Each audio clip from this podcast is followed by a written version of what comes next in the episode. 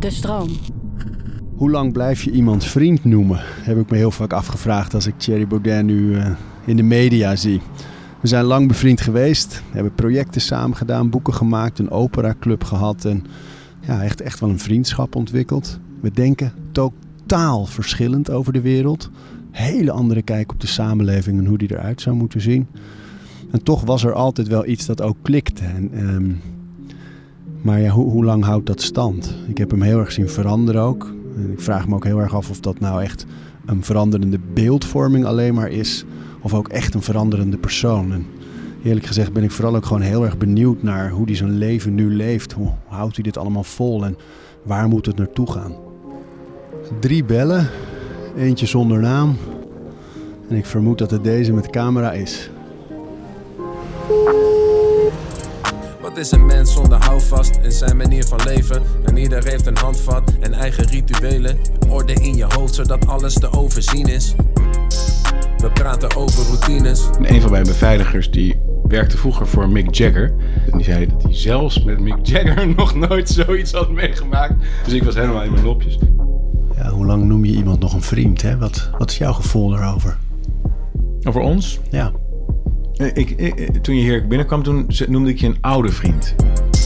We praten over routines. Zo, de avond met de snacks. Lang, Ja. Lange dag?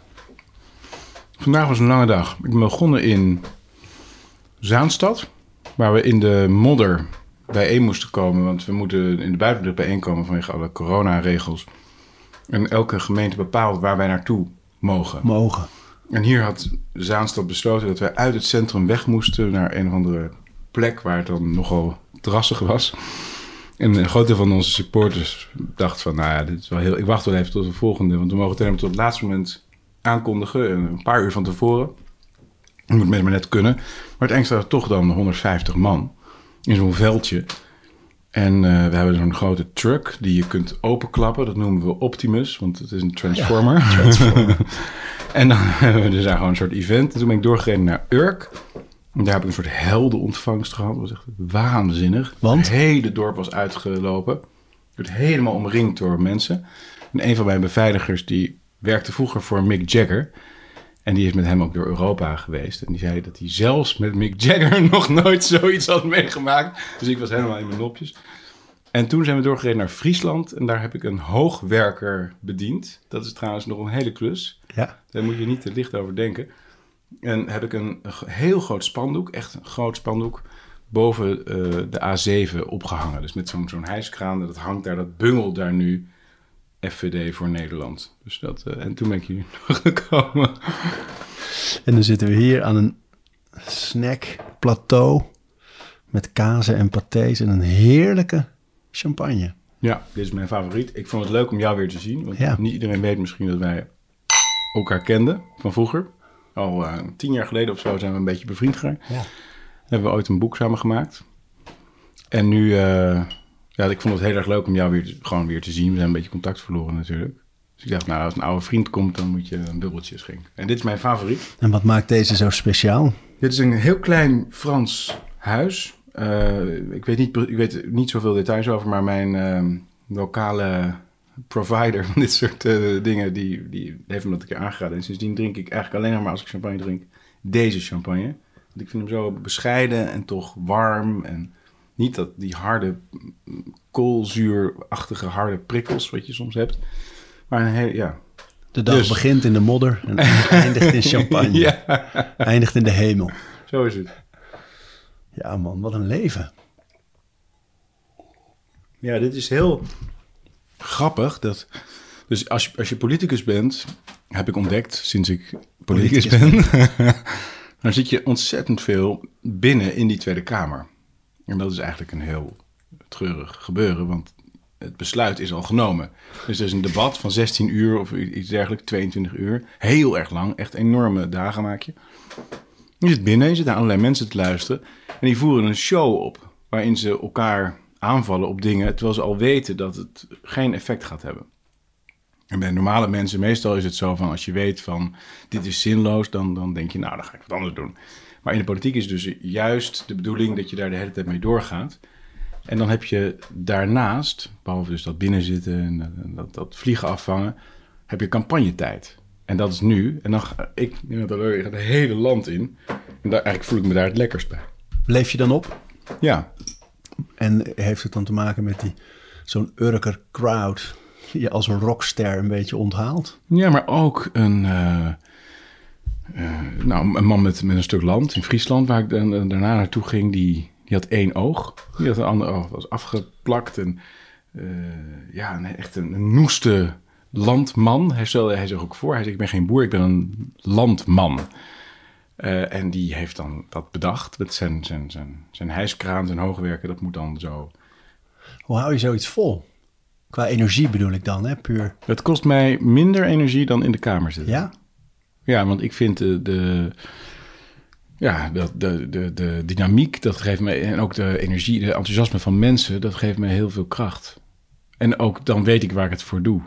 Dus ik doe het niet voor, om, ik doe het niet voor mezelf om degens te kruisen met Jesse Klaver of om een etentje te hebben met de Franse ambassadeur. Of, dat is niet waar ik het voor doe. Ik doe het echt omdat ik eh, me, me verplicht voel aan dit land. Of hoe ik dat dan zie, ik weet dat andere mensen zijn niet, niet eens met me eens natuurlijk in Nederland. Maar zoals ik het voel en zie, daarom ben ik het gaan doen. Dat is niet voor de politici, dat is voor de mensen. Dus dit vind ik leuk. Ik ben echt, ik, ik denk wel wat je ziet, ik wel straal. Ja, ik ben ja. wel moe, ik heb ook heel snel even een douche genomen. Even, we zitten hier in mijn, dit is mijn vaste plek. We zitten in mijn keuken, maar dit is wel net heel veel verbouwd en zo. Dus we staan, we zitten hier tussen de pakken vloeibaar wasmiddel en eh, gamma tie wraps en troep en balken. Maar ja, het is toch wel knus, vind ik. Het is gewoon zo van, ja, goede dag gehad, lekker zitten hier. En als ik uit de kamer kom, dan zie je me meer, dan ben ik eerder opgefokt of zo. Of ben ik eerder... eh, Slurpt energie. slurpt energie, ja. Maar dat, hè, als je het dan over, over je dagindeling hebt. Hoe, laat, als je me gewoon eens meeneemt naar jouw dag. Hoe vroeg begin je? Ja, dat, dat was eigenlijk het, wat ik het moeilijkst vond aan ingaan op deze uitnodiging. Ik heb eigenlijk heel weinig routine. ik, le ik, ik, ik- ja, zoals een dag als vandaag. Dus bijvoorbeeld, dan sta ik om een uur of acht op. En dan eh, zit ik, eh, eh, nou iets eerder, maar dan zit ik om half negen in de auto. Dan ga ik op pad. En, en dan ben ik tot nu. En dan, maar, maar gisteravond, ik denk dat ik pas om half drie of zo ging slapen. Want dan was ik met dingen bezig en dan zit ik te malen. En dan, ik was bezig met Rielke. Ik had ineens wat gedichten in mijn hoofd, wat ik van vroeger veel las. Want toen had ik wat vrijer leven natuurlijk. Kon ik wat meer met dat soort dingen bezighouden. En dat wil ik dan, dan ook nog eventjes meepakken. Dus ik heb geen ritme. dan? Wat dan Reiner Marina Rie- Rielke? Welk gedicht kies je dan? Dit was, dit, dit was een gedicht dat heet eh Orpheus, Eurydike en Hermes. Dat gaat over de poging van Orpheus om eh Eurydice, zoals we in het Nederlands zeggen, terug te halen uit de onderwereld naar, naar het mensenrijk, naar de levende wereld. Maar hoe komt het bij jou dat je een, een dag tot eh, drie uur s'nachts... en dat je dan aan het einde van die dag dus nog dat, dat specifiek Hmm. dat gedicht opzoekt? Nou, ik weet niet of het specifiek dat gedicht moet zijn, maar ik heb wel veel Behoefte aan poëzie dan? Ja. Waarom? Op zo'n moment? Verstilling, Ja. in jezelf keren. Weer even iets doen wat helemaal niets te maken heeft met eh, de wereld, concrete dingen. Wegdromen. eh, ook wel een beetje terug naar eh, hoe, hoe ik vroeger leefde. Oh man, dat heb ik vaak gedacht. Joh, als ik je zo op het nationaal podium zie, dat ik denk, je zit ook wel heel erg eh, op een zeer zichtbare plek. En je weet eigenlijk niet of je ooit eruit kan stappen, of je daar weer af kan eh, van dat podium. Ja. ja, ik hoopte dat het even lukt in november. Toen dacht ik, nou, vanaf. Maar dat, eh, dat ging toch niet zo. Toen moest ik terug. Maar is dat het ook, dat je dan zo'n gedicht... Is het een verlangen naar, naar, naar vroeger? Naar, de vrije tijd? Ja, maar ook weer niet. Hè? Want ik, ik heb niet... Ik heb nu twaalf boeken ge- gemaakt, gepubliceerd. En eh, ik heb niet nog heel veel te schrijven, bijvoorbeeld. En eh, je wilde ook... We gaan ook straks volgens mij naar muziek luisteren. Of dat was in ieder geval wat, wat we bespraken, dat we leuk vinden. Want wij hebben ook een boek gemaakt ook over muziek. Dat bindt ons ook. Maar het is niet zo dat ik... Ik ben uiteindelijk niks gaan doen met muziek in mijn leven, qua professioneel leven ik heb niet het gevoel dat ik daar nou nog heel veel mee moet. Ehm, het is wel onderdeel van wie ik ben, maar het is niet. Sommige mensen die wel eens spreek, die, die zijn dan eh, 60 of zo, die, die hebben nog altijd. Hè, Oh, die willen nog, eh, dat, dat, nog. Ja, moet nog, ja. Dat heb ik niet zo. Ik, ik leef denk ik wel heel intens en ten volle. Maar eh, ja, dat, dat, de tijd dat ik eh, me met, heel veel met literatuur en met kunst en, en zo bezig hield, die voelt ook wel een beetje als afgesloten. Soms denk ik ook wel, eh, als ik het allemaal zie, van, weet je, dan, dan ken ik je als, als kunst- en cultuurliefhebber. En nu ook weer, hè, het grootste deel van ons gesprek gaat nu over, al- over Rielke en over wijn en over eh, cultuur. En ik eet nu een fantastische Franse cornichon. Moet je ook even proeven. Ja, waanzinnig. Niet te zuur. Dat zijn de allerbeste. Maar en dan denk ik aan eh, de landman in Friesland met het Ja. ene, ene oog en de hoogwerker. En de- de- de- soms heb ik ook wel het gevoel dat, dat jij en jouw interesses en de dingen die je echt, echt bezighouden en, en die je echt aan het hart gaan, ver van die doelgroep af liggen. Ja, maar wat ik doe eh, voor die doelgroep gaat me ook echt aan het hart. Dus het is, niet, het is niet dat het ene minder oprecht is dan het ander. Nee, nee, dat zou ik ook niet zeggen. Jij bent ook en een sportman en ook eh, geïnteresseerd in muziek en ook eh, nog een aantal andere dingen. Ja, En natuurlijk, we hebben allemaal verschillende kanten. Maar ik heb niet het gevoel dat het elkaar bijt. En ik heb ook niet het gevoel dat het... eh, bij mij dan tenminste, dat er frustratie zit. over hoe je het allemaal volhoudt. Hè? Je, je hebt dus geen routines in. Ik ga altijd om tien uur naar bed, kennelijk. Nee. Want tot drie uur aan de rielke. nee, ik ben mijn hele leven een nachtmens geweest. Ja, hè? Dat in elk geval. En ik vind ook de, de ochtend, ik kan, begrijp niet helemaal wat die ochtend van mij wil.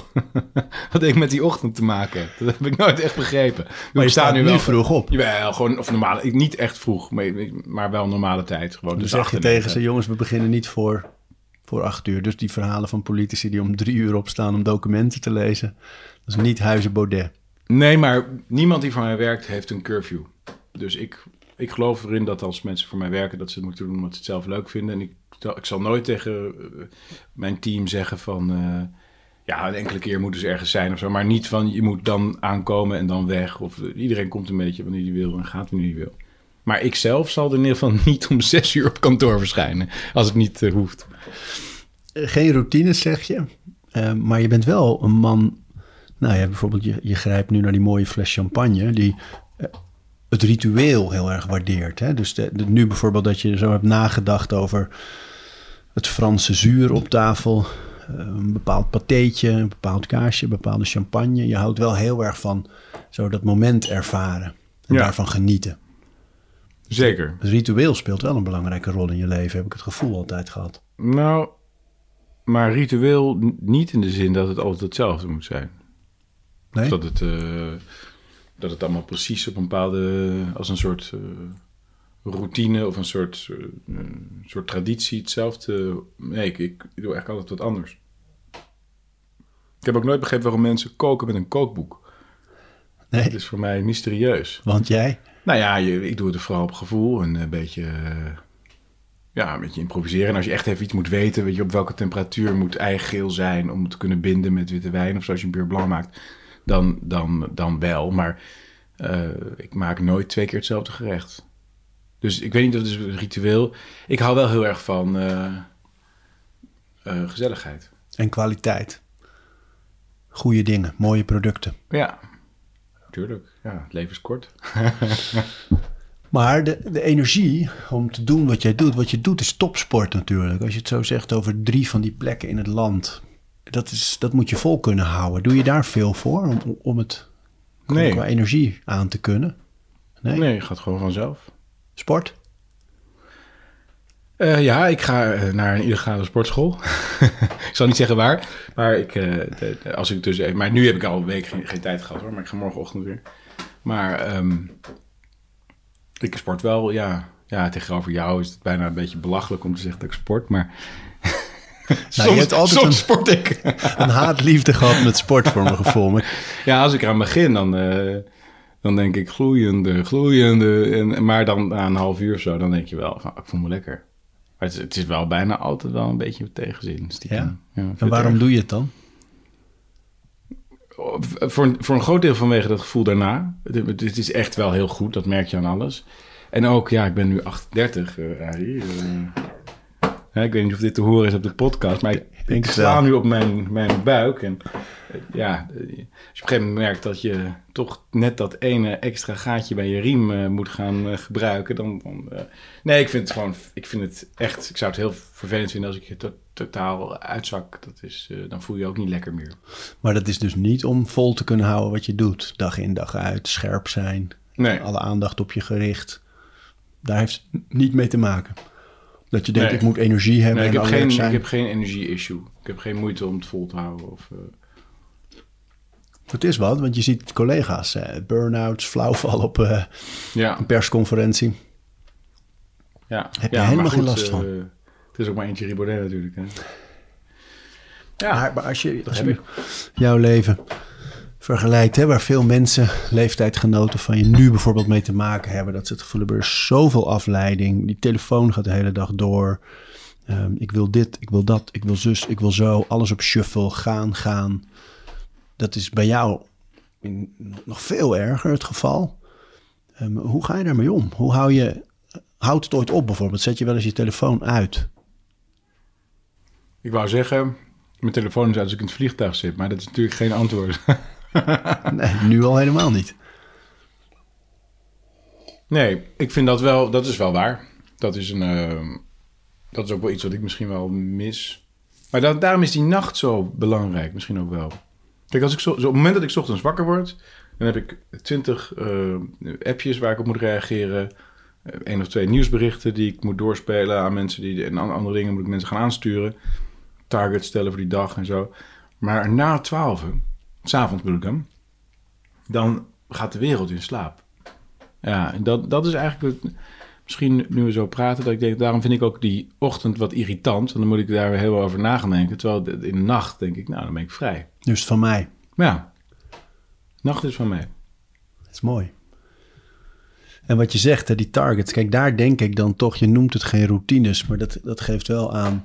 Je hoort bijvoorbeeld in die zelfoptimalisatiehoek heel veel mensen altijd zeggen. Je begint de dag met even opschrijven wat je die dag gedaan wil krijgen. De, de targets of de doelen van de dag. Dat is Dat wel doe ik echt niet. een. Nee? Schrijf niks op. En die targets waar je het over had in je hoofd? Nou, targets bijvoorbeeld, we moeten op tijd zijn in Tolen. en We moeten ervoor zorgen dat alle vrijwilligers eh, hashjes hebben. En de website moet beter. En ik moet nog een speech schrijven voor dit of dat. Of Dat doe je allemaal zelf. Dan. Nou, nee, of, of, later, of iemand moet me helpen met een opzet maken. Maar eh, hoe dan ook, de, eh, dan moet ik dan wel in mijn hoofd hebben wat er gebeurt op een dag. Aan meteen.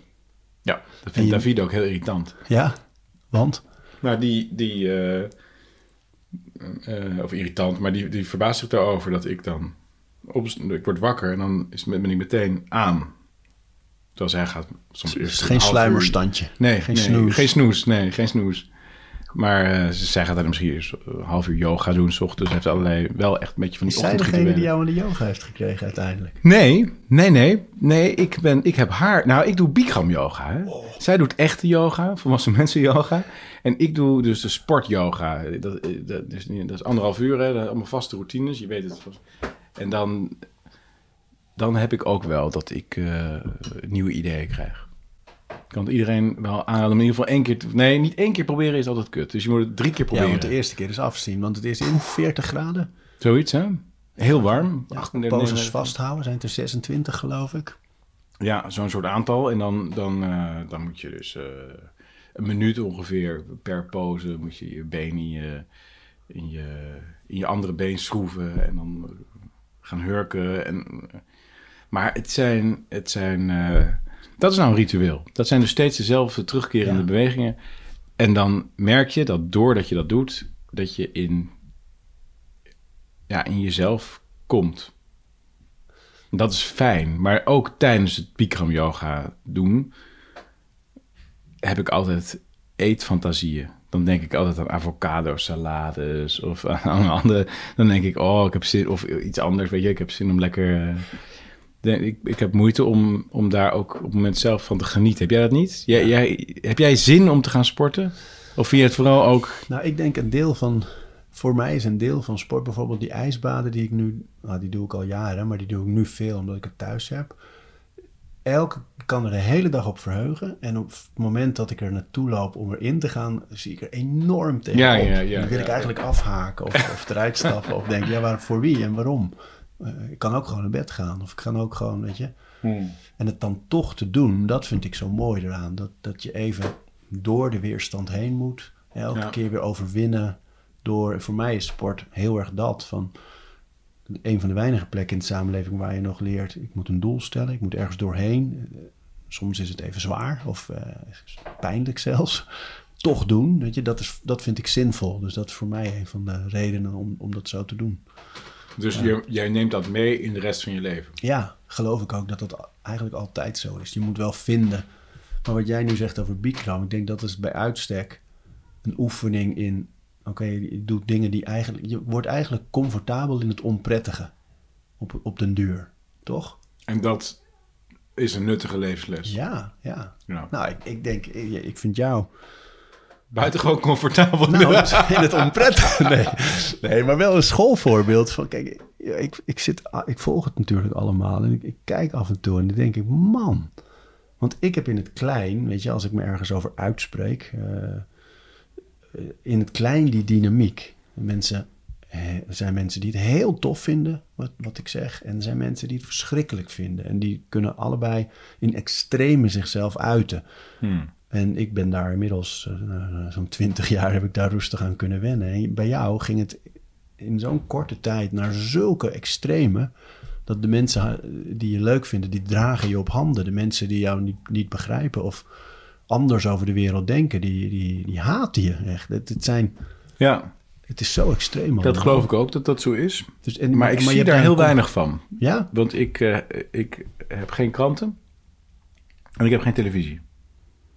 Dus ik weet vaag, heb ik een soort bewustzijn dat er mensen zijn die anders naar de wereld kijken. Maar ik heb ervoor gekozen om vanuit mijn eigen overtuiging te leven. En, eh, en, en dat ook ten volle te doen. En te accepteren dat dat bepaalde consequenties met zich meebrengt. Zoals misschien eh, dat mensen inderdaad een hekel hebben. Maar ik, ik hoef daar niet... Ik ben daar niet heel erg mee bezig.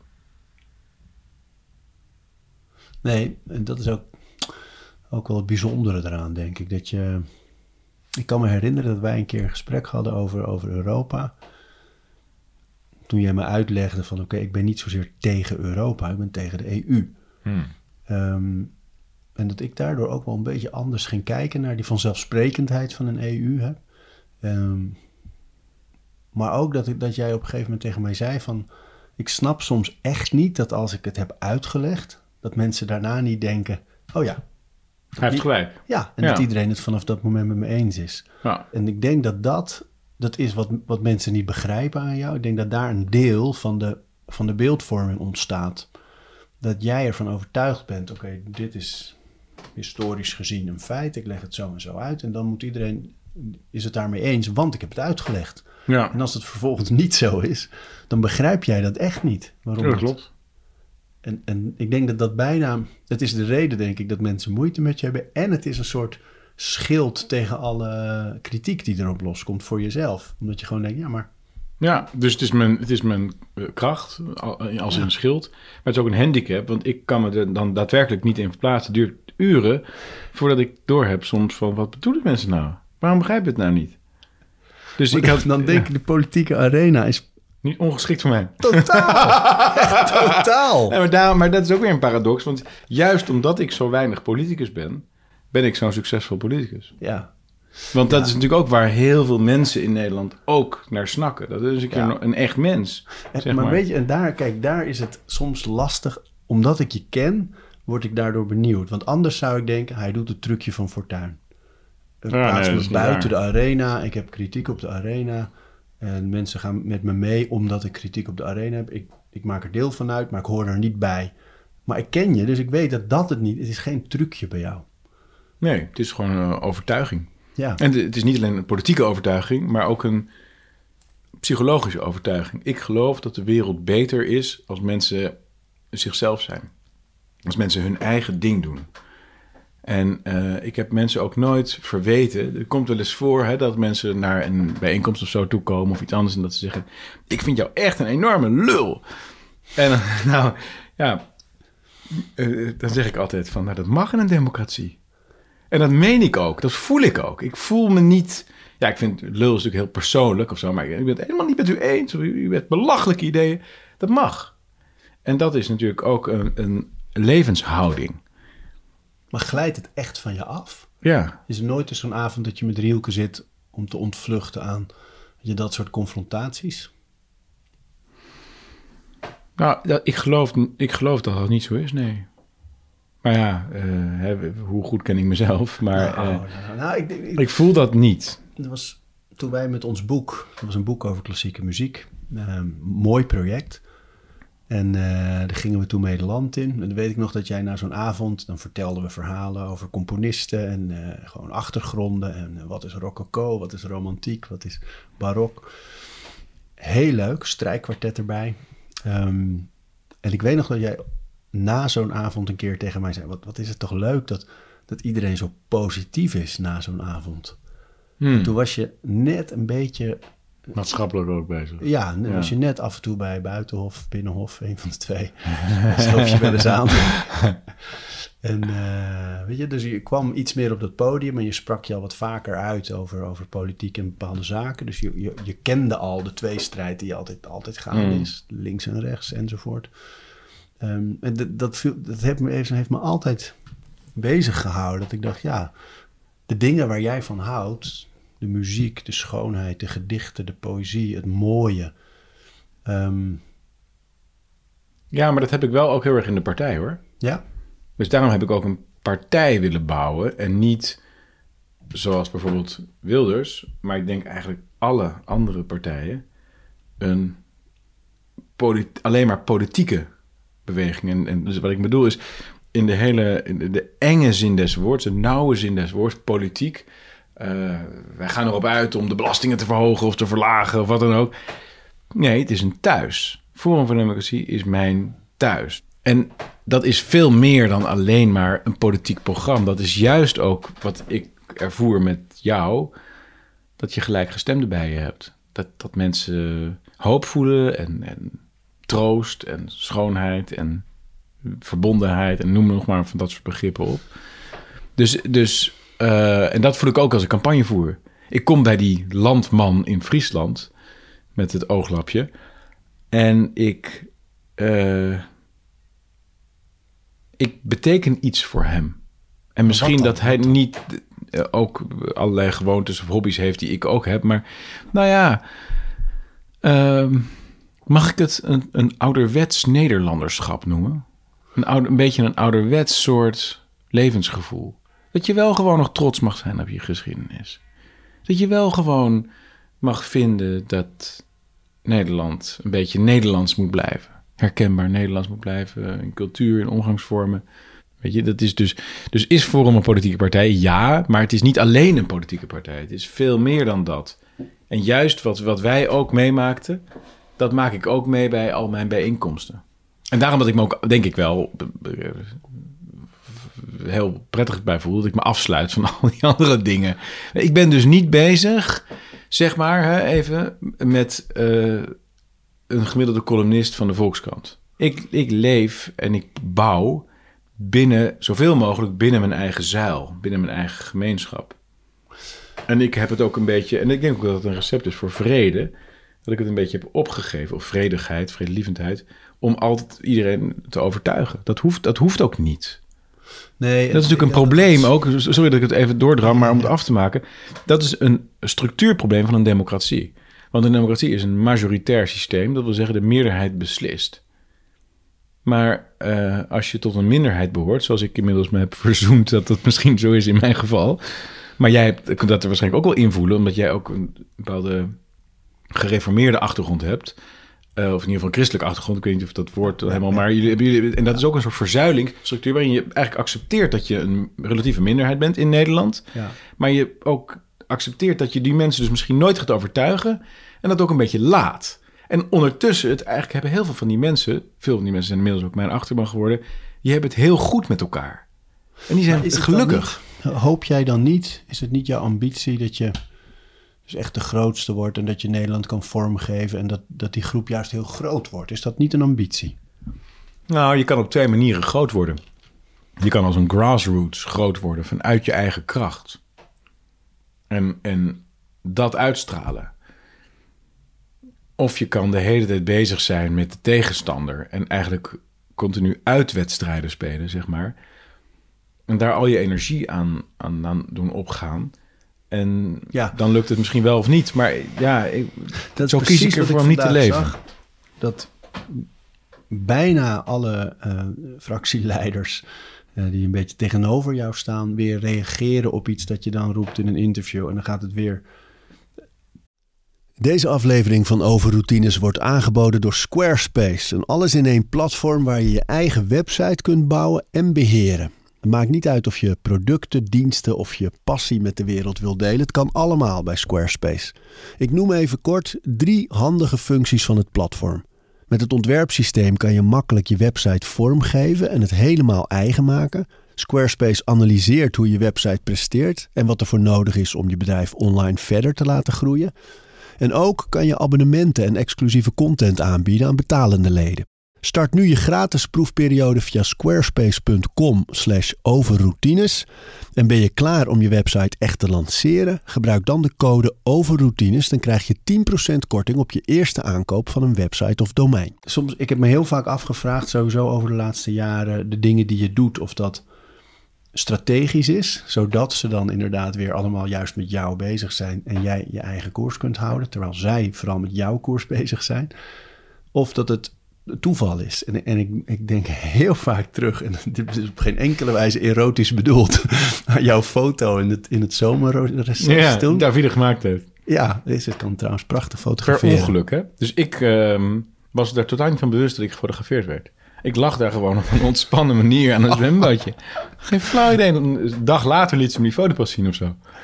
Maar um, van, toen dacht ik voor het eerst, en daarna heb ik het vaker gedacht van... Ik ken jou als iemand die vanuit impulsiviteit, dus vanuit gevoel handelt. Eh, dit voel ik zo, dit doe ik zo. Ja. En tegelijkertijd betrapte ik mezelf toen voor het eerst op het gevoel dat ik dacht... hé, hey, wacht even, het is zomerreces. Hij speelt een spel. Als je geha- gewiekst bent, gehaaid of PR gericht...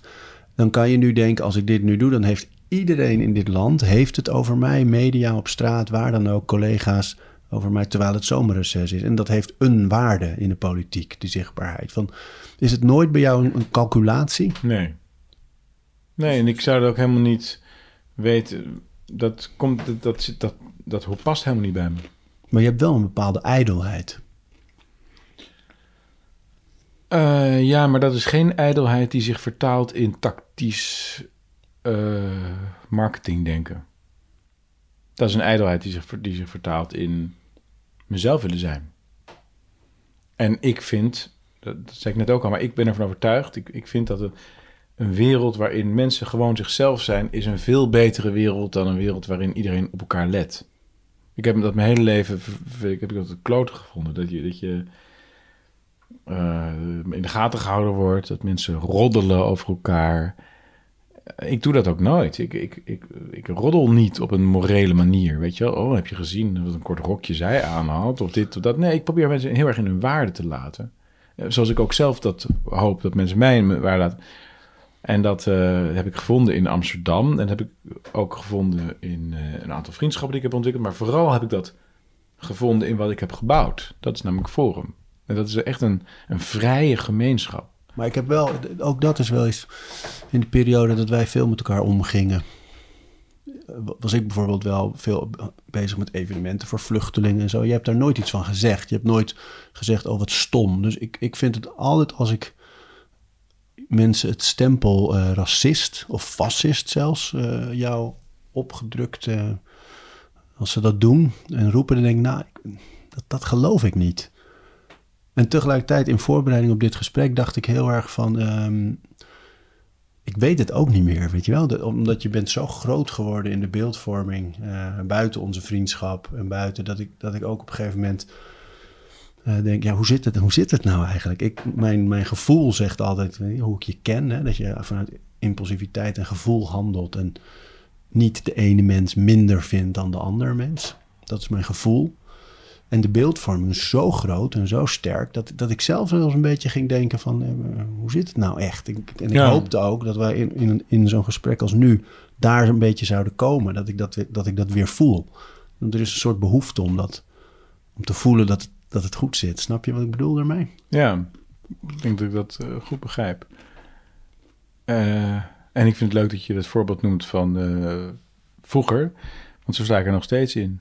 Dus ik denk dat ik de, zo'n beetje de minst racistische persoon ben die je kan ontmoeten. En ik denk niet dat er iemand is die, als mens dus, die mij ooit heeft ontmoet, die zal zeggen dat hij of zij vanwege huidskleur of geslacht of afkomst of ook religie of seksuele voorkeur zich niet als mens gezien heeft gevoeld gewaardeerd heeft gevoeld. Hoe komt het, denk je, dat ze je zo graag in dat hoekje willen hebben?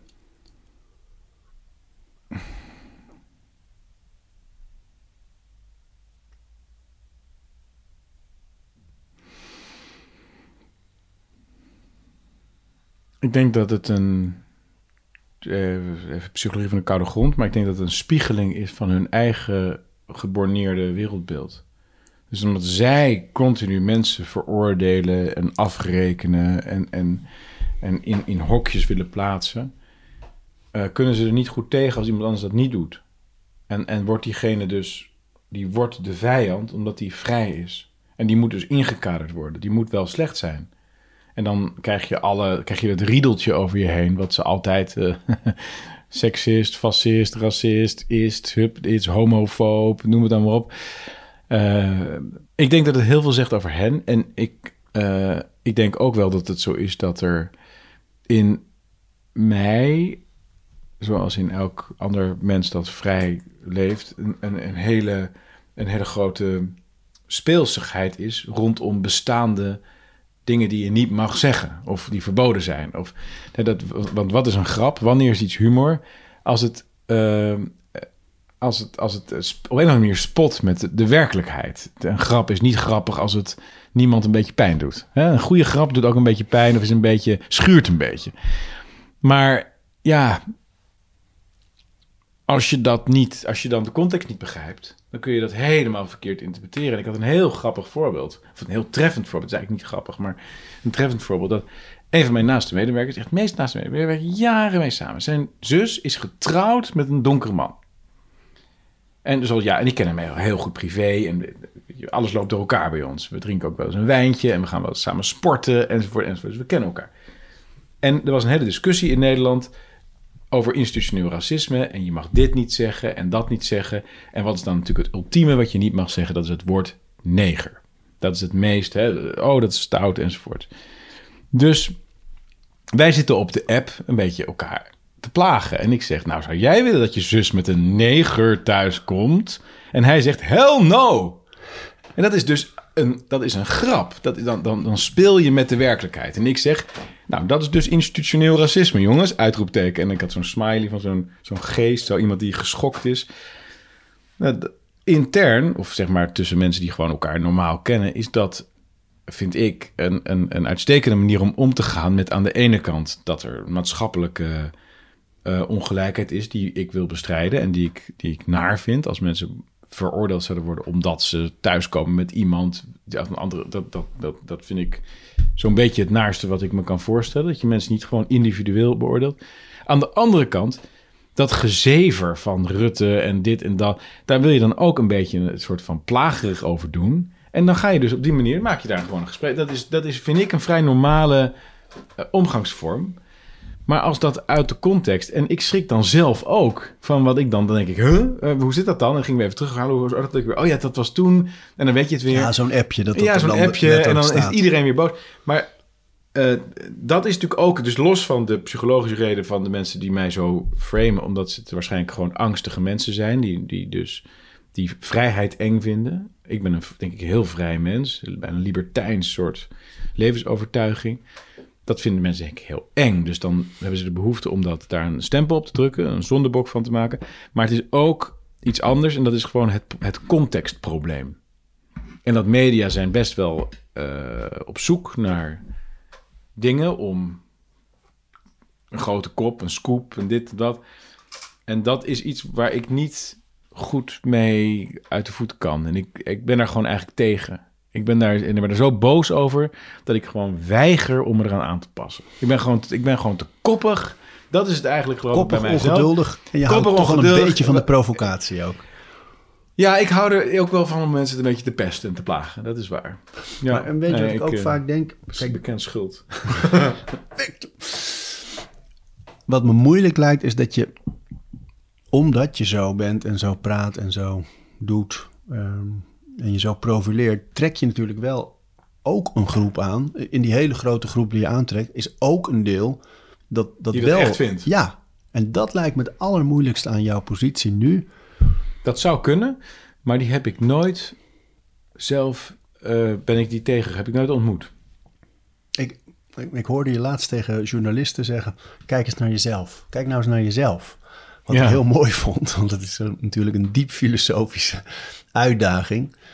Ehm, maar ik had het met mijn moeder erover: van ik ga, ga naar Cherry weer eens en we gaan kletsen over dit soort dingen.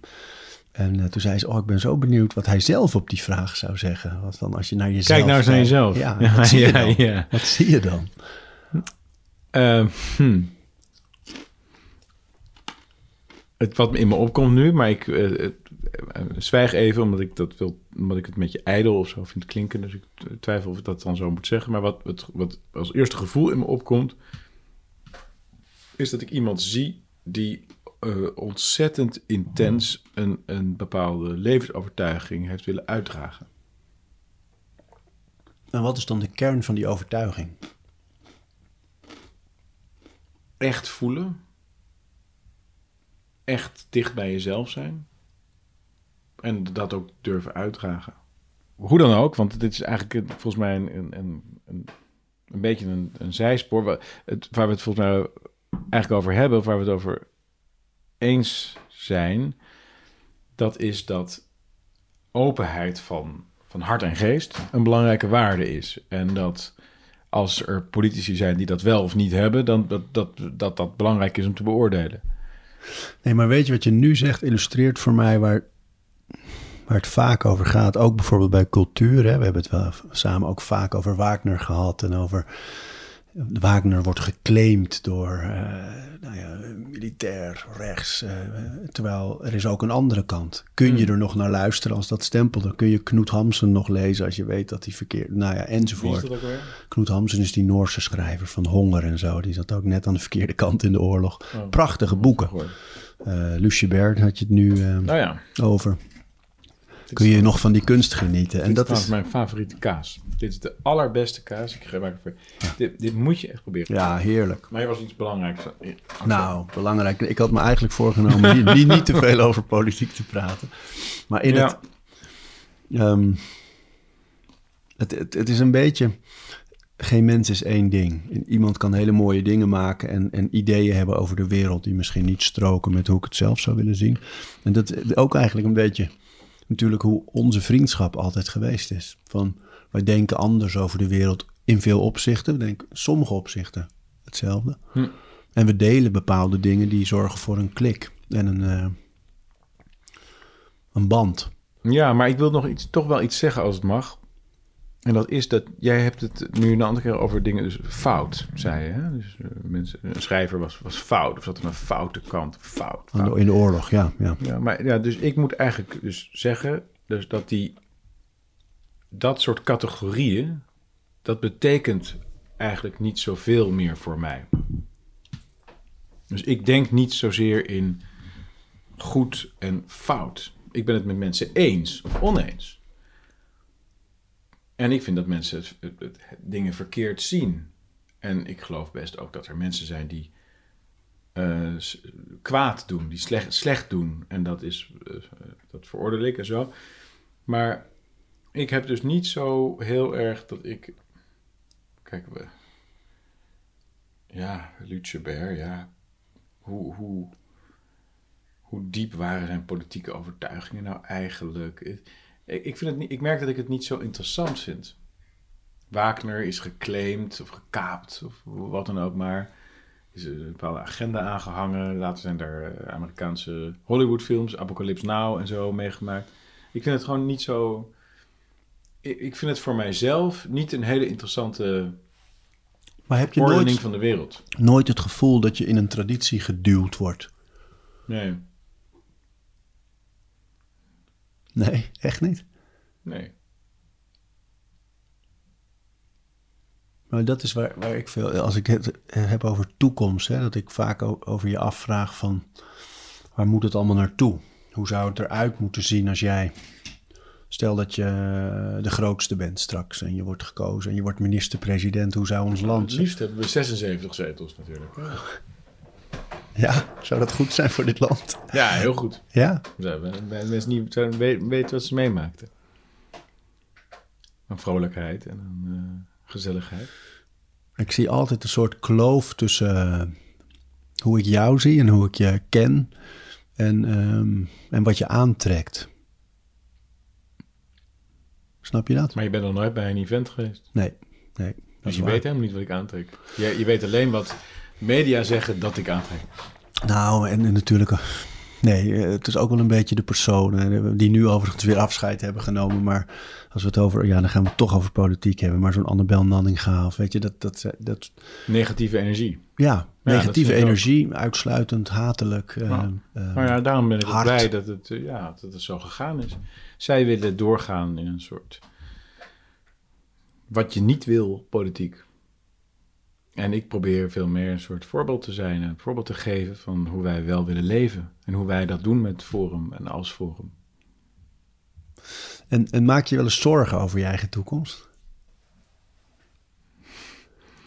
Nou, ik weet niet waar je precies op bedoelt, maar ik accepteer het risico als je dat bedoelt. Ja, dat bedoel ik wel een beetje. Ja. Daar ben ik ook best wel vaak bang voor geweest. Dat ik denk van, weet je, zo'n fortuinverhaal. Hoeft maar één gek rond te lopen. Dat gaat alle kanten op natuurlijk. Maar je, je bent zo geprofileerd nu. En zo, mensen hebben zo'n scherpe mening. Zo, ook aan de positieve kant, maar ook aan de andere kant. Hmm. Dat ik me maak me wel eens zorgen. Die denken, oh man. Ja, ik word natuurlijk enorm geholpen door het feit dat de peilingen niet kloppen. Ja, Ja, ik sta eh, absurd laag in de peilingen op dit moment. En dat is een zegen, want daardoor kun je in de luwte kun je gewoon je succes behalen. Ja, je onderschat worden door je tegenstander is perfect. maar ik, ik doe er ook op gevaar. Positief, eh, maar dat heeft positief effect voor je veiligheid. Ja, Ja, natuurlijk. Je krijgt minder bedreiging als je eh, gezien wordt als een, als een niet zo'n grote bedreiging. en druipt dat net zo makkelijk van je af als... eh, Ja, ik accepteer het risico. Ik accepteer het gewoon. Maar ik ben ook heel spiritueel, hè? dus ik geloof in een hiernamaals, ik geloof in God en zo. Dus ik geloof in het eeuwige en ik ga wel door. Denk je er wel eens over na van als je... Nee, Over de dood? niet. Nee? Hoe kun je er nou over nadenken? Nou, je Moet je daar nou over denken? je leest poëzie, je Ja, luistert naar ja, muziek. Dus Dat is het rijk waar niemand over Orpheus. weet. Ja, daar weten we niks van. Maar je kan wel met een houding leven van... ik ben heel erg bang om te sterven... en ik, ik wil alles vasthouden. Of je kan leven met een houding van... ja, ik, ik, ik ben dankbaar voor elke dag... en ik ben dankbaar voor alles wat mij toevalt in het leven... en ik ben dankbaar voor elke mooie ontmoeting. En eh, het houdt op als het ophoudt. En als je doorkijkt naar de toekomst en eh, nou, je, hebt een mooie relatie, verloofd officieel. Ja, we hadden dus al getrouwd moeten zijn geworden... Maar ja, Je wilde geen grapperhuisje doen. ik wou het niet zeggen, want ik dacht, oh, nu is weer politiek. Maar ja, nee, dat was het, ja. Toen hebben we het afgezegd. Dus we hebben het nu uitgesteld tot onbepaalde tijd. Wat heel vervelend is, want ja, je leeft er dan toch naartoe en zo. Hè? Dat is heel... Maar goed. Kon niet, eh, kon niet gewoon lekker met z'n tweeën. Maar dat kun je een vrouw toch niet aandoen? Nee? Een vrouw wil toch gezien worden in een jurk. En dit. nou, zo was het niet voor Davide. Maar misschien eh, dat ze op een gegeven moment zegt, nou, hup. Duurt me te lang. Put a ring on it, bitch. En met die bitch bedoel ik jou dan, hè? Ja. Nee, dat snap ik. Ehm, Maar de- als je dan verder kijkt, hè, dus je gaat dat, dat leven in, getrouwd en er komen misschien kinderen. En ik merk in mijn leven, waar in veel mindere mate die dynamiek speelt van mensen die het leuk vinden wat je doet en niet. En als je je ergens over uitlaat, zijn er ook af en toe wel eens bedreigingen. Dat dat vroeger van me afgleed van, nou ja, het is er. Ik kan je een dagje bezighouden en dan is het klaar en we gaan door en we houden koers. En nu ik kinderen heb en een vrouw, en, eh, raakt het me dieper. Ben ik, eh, ik ben me meer bewust van wat ik kwijt kan raken nu. En dat lijkt me in jouw situatie moeilijk, dat je daar nog aan moet beginnen eigenlijk, terwijl de, de dynamiek al zo groot is en zo heftig. Ja, maar dat kun je je ook eigenlijk niet voorstellen, denk ik. Het zou kunnen dat je gelijk hebt dat dat anders wordt als ik kinderen zou mogen krijgen. Maar eh, dat, dat, ik denk niet dat jij je dat zelf had kunnen voorstellen voordat je dat had. Nee. Dat is, dat, dat Nee. is een nieuw feit. Nee. Maar ja, eh, daarom doe ik het ook nu. Ja, misschien eh, kan ik op een gegeven moment ook wel een stokje overdragen aan iemand. eh, Denk aan je? meerdere mensen. Ik zie het niet gebeuren. Nee? Nee. Want? Nee, ik denk, het leunt zo sterk op jouw visie en op jouw charisma en jouw, eh, jouw karakter eigenlijk. En jouw, nu meer nog, hè, nu er wat mensen om je heen weg zijn gegaan. Ehm, je hebt het zelf opgebouwd, je hebt mensen verzameld die ook wel mee bepaalden, had ik het gevoel. Maar ik denk niet dat jij snel over kan dragen. Nee, ik, ik denk ook niet dat jij het snel van iemand anders zou accepteren dat ze de leiding hadden over deze partij.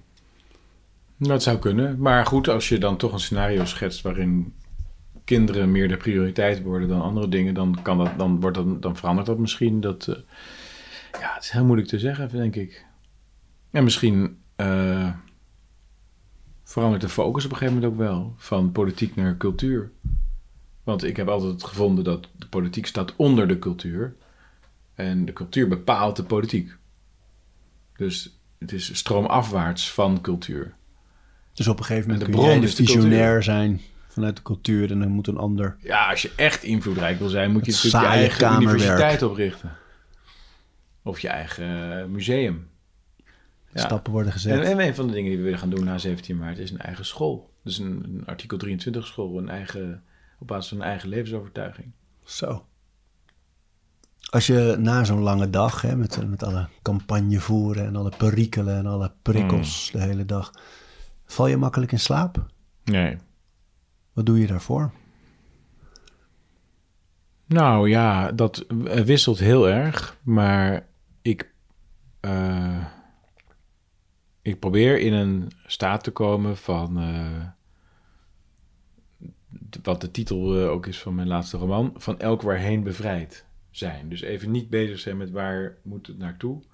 Maar eh, een boek te lezen of te vrijen of een mooi gesprek te voeren. Maar dat je even iets doet wat he- helemaal in een eigen wereld zit.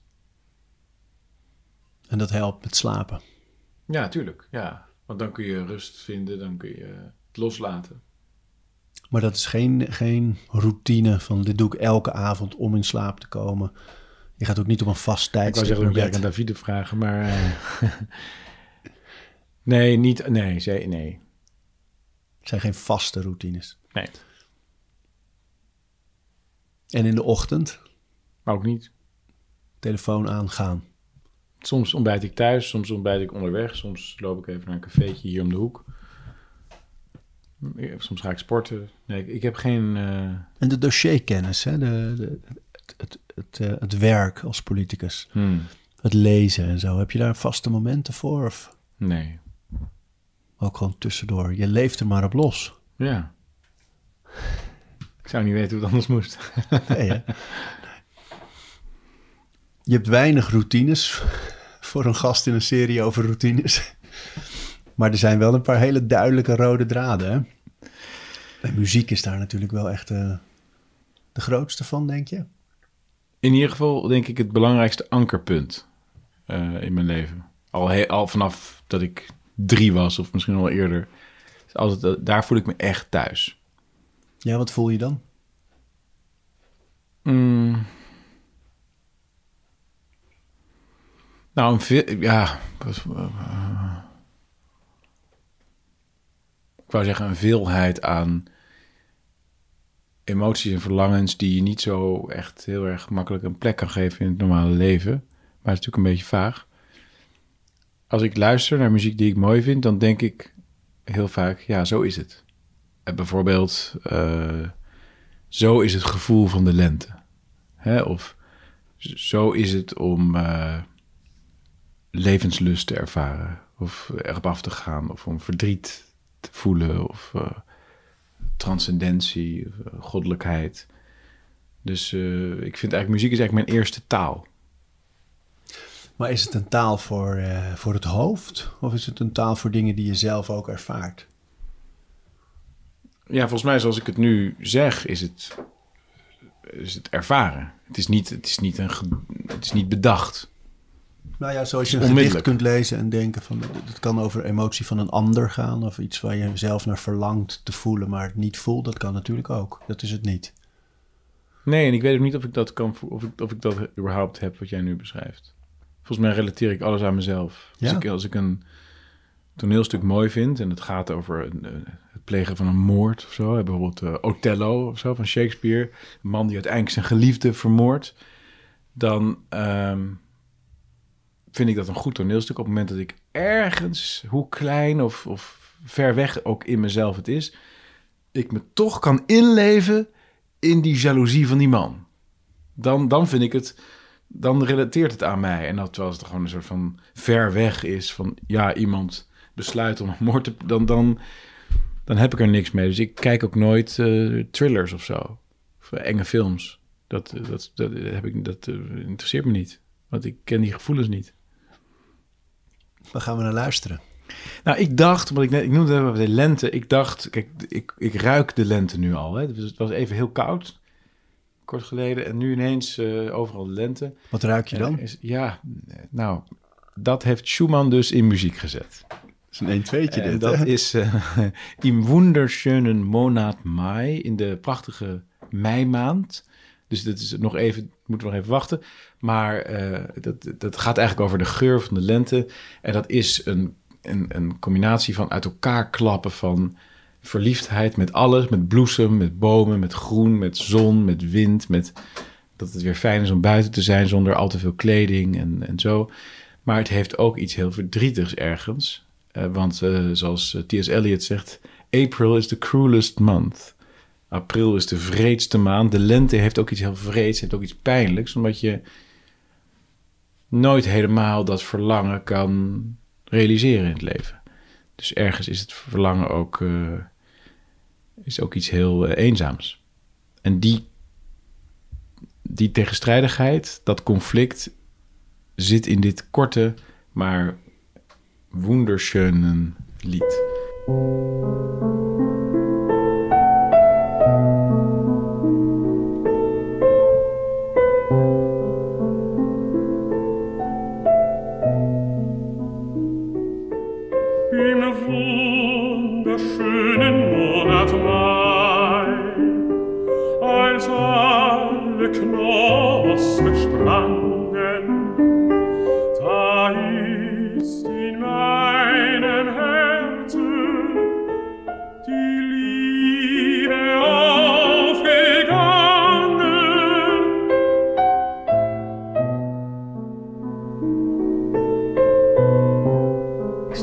Voordat we naar binnen gingen. En ik dacht, ineens voelde het heel erg als een soort gesprek. Om, om bijna een soort vriendschap te toetsen. Waar staan we nog? En we hmm. hebben elkaar lang niet gezien. En jouw beeldvorming is zo groot geworden. En uh, ja, hoe lang noem je iemand nog een vriend? Hè? Wat, wat is jouw gevoel daarover?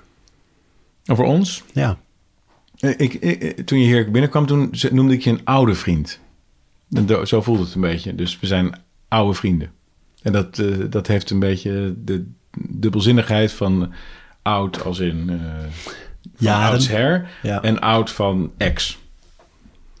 En dat, die, dat voel ik nog steeds, die dubbelheid. Ja, hè? Ja, ja, ik ook. Maar ik vond het wel gezellig. Ja, het is, het is heel interessant omdat je... We hebben vaak genoeg uitgesproken dat we over heel veel dingen verschillend uh, denken. En dat je dat toch altijd wel. Uh, ik, ik merk dat ik me bijvoorbeeld nooit. Uh, Ik zeg het best wel vaak hoor tegen mensen als, als het over jou gaat ergens. Van ja, we zijn bevriend. Soms zeg ik ook we zijn bevriend geweest of we hebben een geschiedenis. Maar ehm, ja, zo is het toch. We kijken anders naar de wereld. En toch is er een vriendschap. Cheers. We praten over routines.